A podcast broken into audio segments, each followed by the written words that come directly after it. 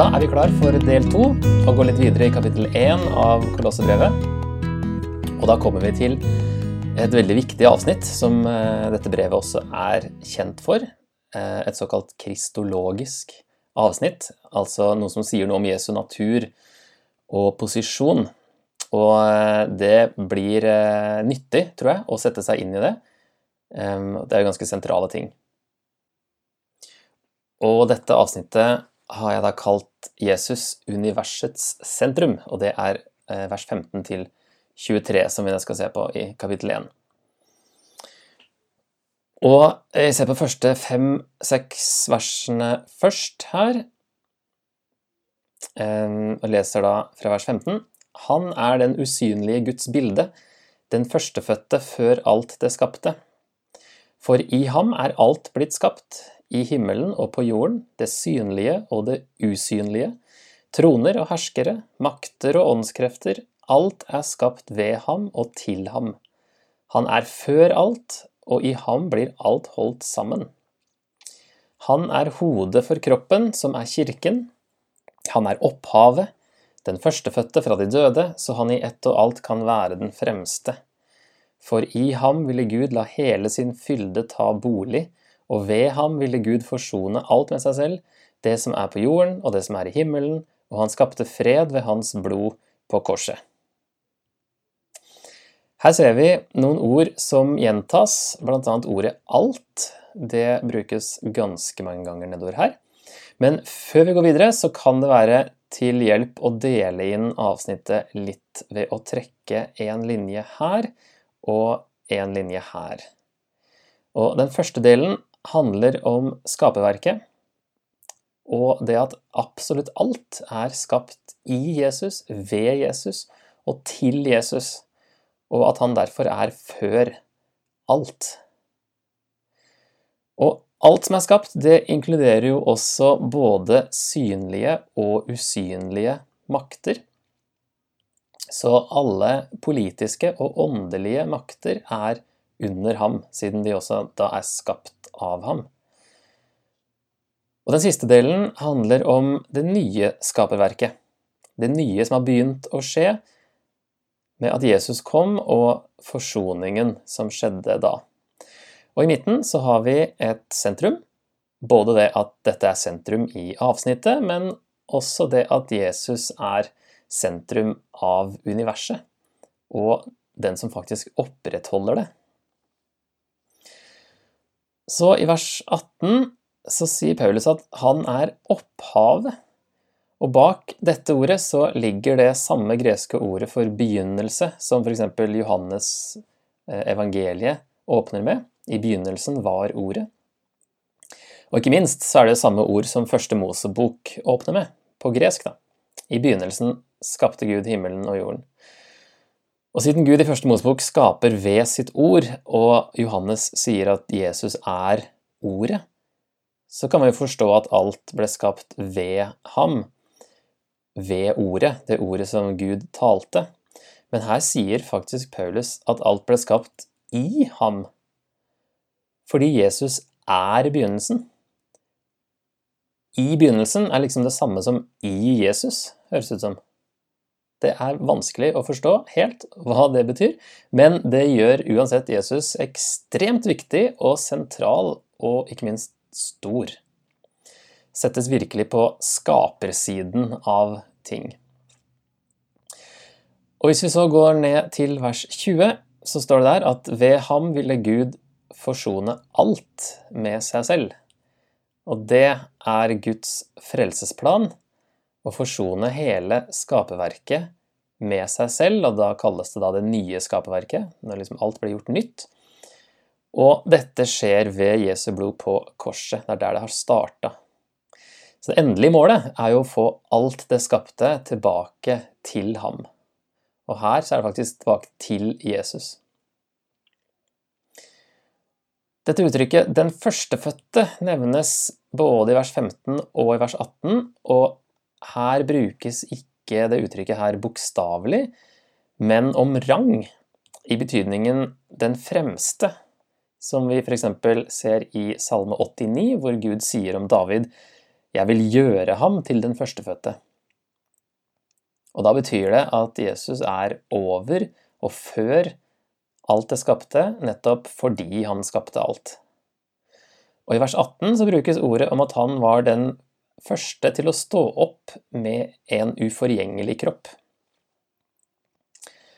Som da peker fram til at vi alle skal gjøre det, men han var den første. Derfor er han da førstefødte fra de døde. Og det vil jo da si, når vi slår sammen de her to, at eh, han er fremst i både det gamle og det nye skaperverket. Hensikten med det her var ifølge vers 18 på slutten der at eh, han i ett og alt kan være den fremste. Og han er den fremste i alt fordi hele Gud bor i han. Alt hva Gud er, finnes i Jesus. Vi kan prøve å oppsummere dette kort slik at rett Jesus er når Jesus er universets skaper, opprettholder, forsoner og mål. Gud som ble menneske. I versene etterpå så får vi liksom anvendelsen av vers 15-20. Også dere var en gang fremmede og fiender av Gud i sinn og tanke med de onde gjerningene deres fordi de var hedninger som ikke visste noe om Gud. Men nå har han forsonet dere med seg, da Kristus led døden i sin kropp av kjøtt og blod. Så selv om de ikke visste noe om Gud, så har de likevel på en måte overraskende blitt forsonet med Gud, bare fordi han ville det. Han ordna liksom alt. Hellige, uten feil, og uangripelige ville han føre dere fram for seg. Og det er liksom målet. At vi kan stå hellige og uten feil og uangripelige framfor Gud. Dere må bare bli stående i troen, grunnfestet og stødige, uten å la dere rive bort fra håpet som evangeliet gir. Så den eneste betingelsen er at vi fortsetter å tro. Det er jo troen som gjør at vi kan stå feilfrie foran Gud, så da gjelder det bare å bli stående der stående i troen. Grunnfestet og stødig, uten å la dere rive bort fra håpet som evangeliet gir. Så det kan jo høres ut som at eh, kolosserne er på vei bort fra dette her, eller i det minste er litt forvirra. Kanskje da pga. synet på Jesus, at det henger sammen med det. Og til slutt så sier han da at uh, dette håpet som evangeliet gir, og evangeliet har dere hørt, for det er blitt forkynt for alle skapninger under himmelen, og jeg, Paulus, er blitt en tjener for det. Så de hadde hørt det sanne evangeliet allerede. Det er det samme evangeliet som alle de andre menighetene har hørt, og som de da hørte fra trolig Epafras. Og de må bare holde seg til det, og ikke forville seg bort. Så er alt greit, liksom. Da, da er de frelst. Så for å oppsummere, hvis man har den riktige bibelske forståelsen av Jesus, som Paulus forklarte i versene før, så blir òg den riktige bibelske forståelsen av frelsen at forsoningen skjer ved Jesu fysiske død. Paulus legger vekt på det her.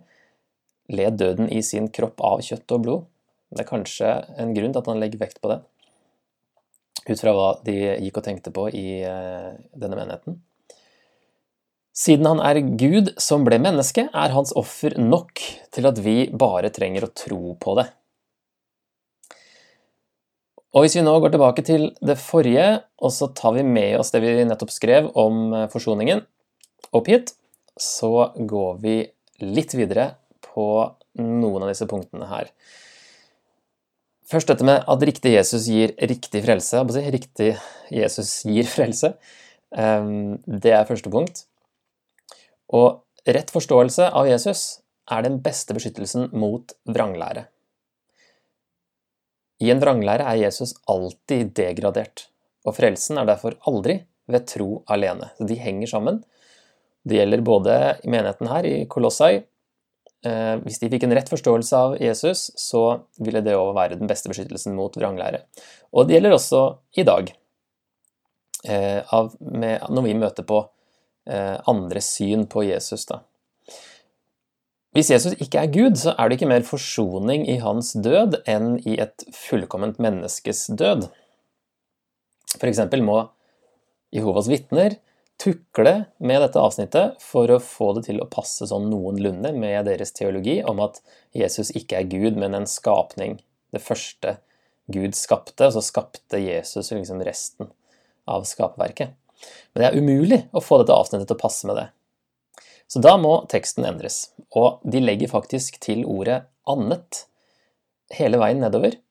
Sånn at hver gang Paulus understreker at alt er skapt av Jesus, så står det da i stedet at alt annet er skapt av Jesus i deres oversettelser. Ettersom de mener da at Jesus var den første skapning.